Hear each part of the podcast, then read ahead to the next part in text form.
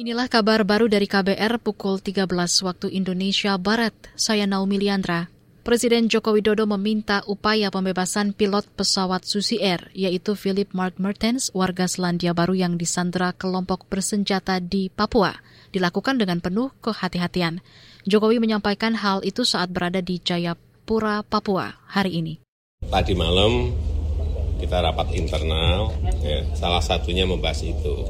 Yang paling penting dengan penuh kehati-hatian agar tetap keselamatan menjadi yang utama.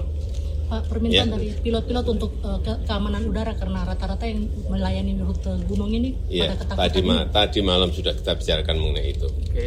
Nanti ditanyakan ke Kapolri atau ke Panglima ya. Itu tadi Presiden Joko Widodo. Sebelumnya pilot Susi Air Philip Mark Mertens disandra oleh Tentara Pembebasan Nasional Papua Barat Organisasi Papua Merdeka atau TPNPB OPM sejak 7 Februari lalu. Kelompok penyandera sempat merilis video penyanderaan dan menyebut bahwa aksi mereka sebagai sarana negosiasi agar pemerintah Indonesia mengakui kemerdekaan Papua. RUU Perlindungan Pekerja Rumah Tangga atau PPRT resmi menjadi RUU Usul Inisiatif DPR. Pengambilan keputusan terhadap RUU PPRT dilakukan di sidang paripurna DPR dan mendapat persetujuan usai mayoritas fraksi.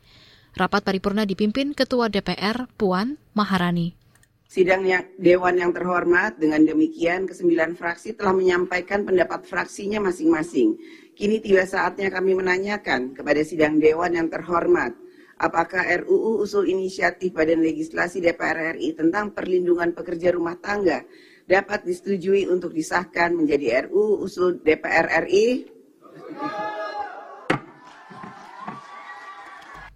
Usai ditetapkan dalam rapat paripurna, RUU PPRT akan mulai menjadi pembahasan bersama antara DPR dengan pemerintah.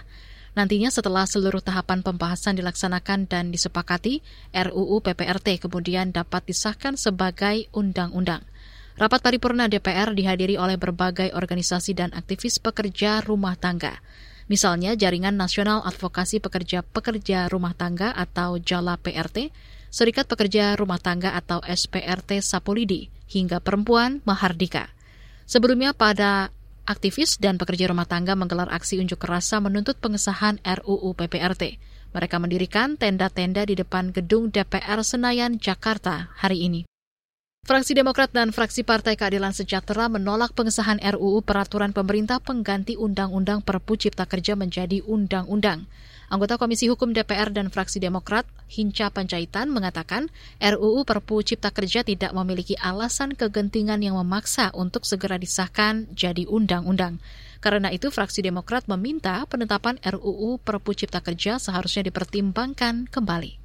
Kedua, Undang-Undang Cipta Kerja ini berpotensi memberangus hak-hak buruh di tanah air.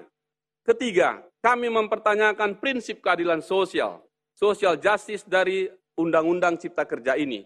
Apakah sesuai konsep ekonomi Pancasila ataukah justru sangat bercorak kapitalistik dan neoliberalistik? Keempat, proses pembahasan hal-hal krusial dalam RUU Cipta Kerja ini kurang transparan dan akuntabel. Itu tadi anggota Komisi Hukum DPR dari fraksi Demokrat Hinca Panjaitan. Sementara itu perwakilan fraksi PKS Buhori mengatakan fraksinya berkomitmen menolak pengesahan RUU Perpu Cipta Kerja menjadi undang-undang dan memutuskan walk out atau keluar dari ruang sidang saat pengesahan Perpu itu. Menurut Bukhari juga dimaksudkan sebagai bentuk menghargai putusan Mahkamah Konstitusi yang sebelumnya meminta agar Undang-Undang Cipta Kerja lebih dulu direvisi.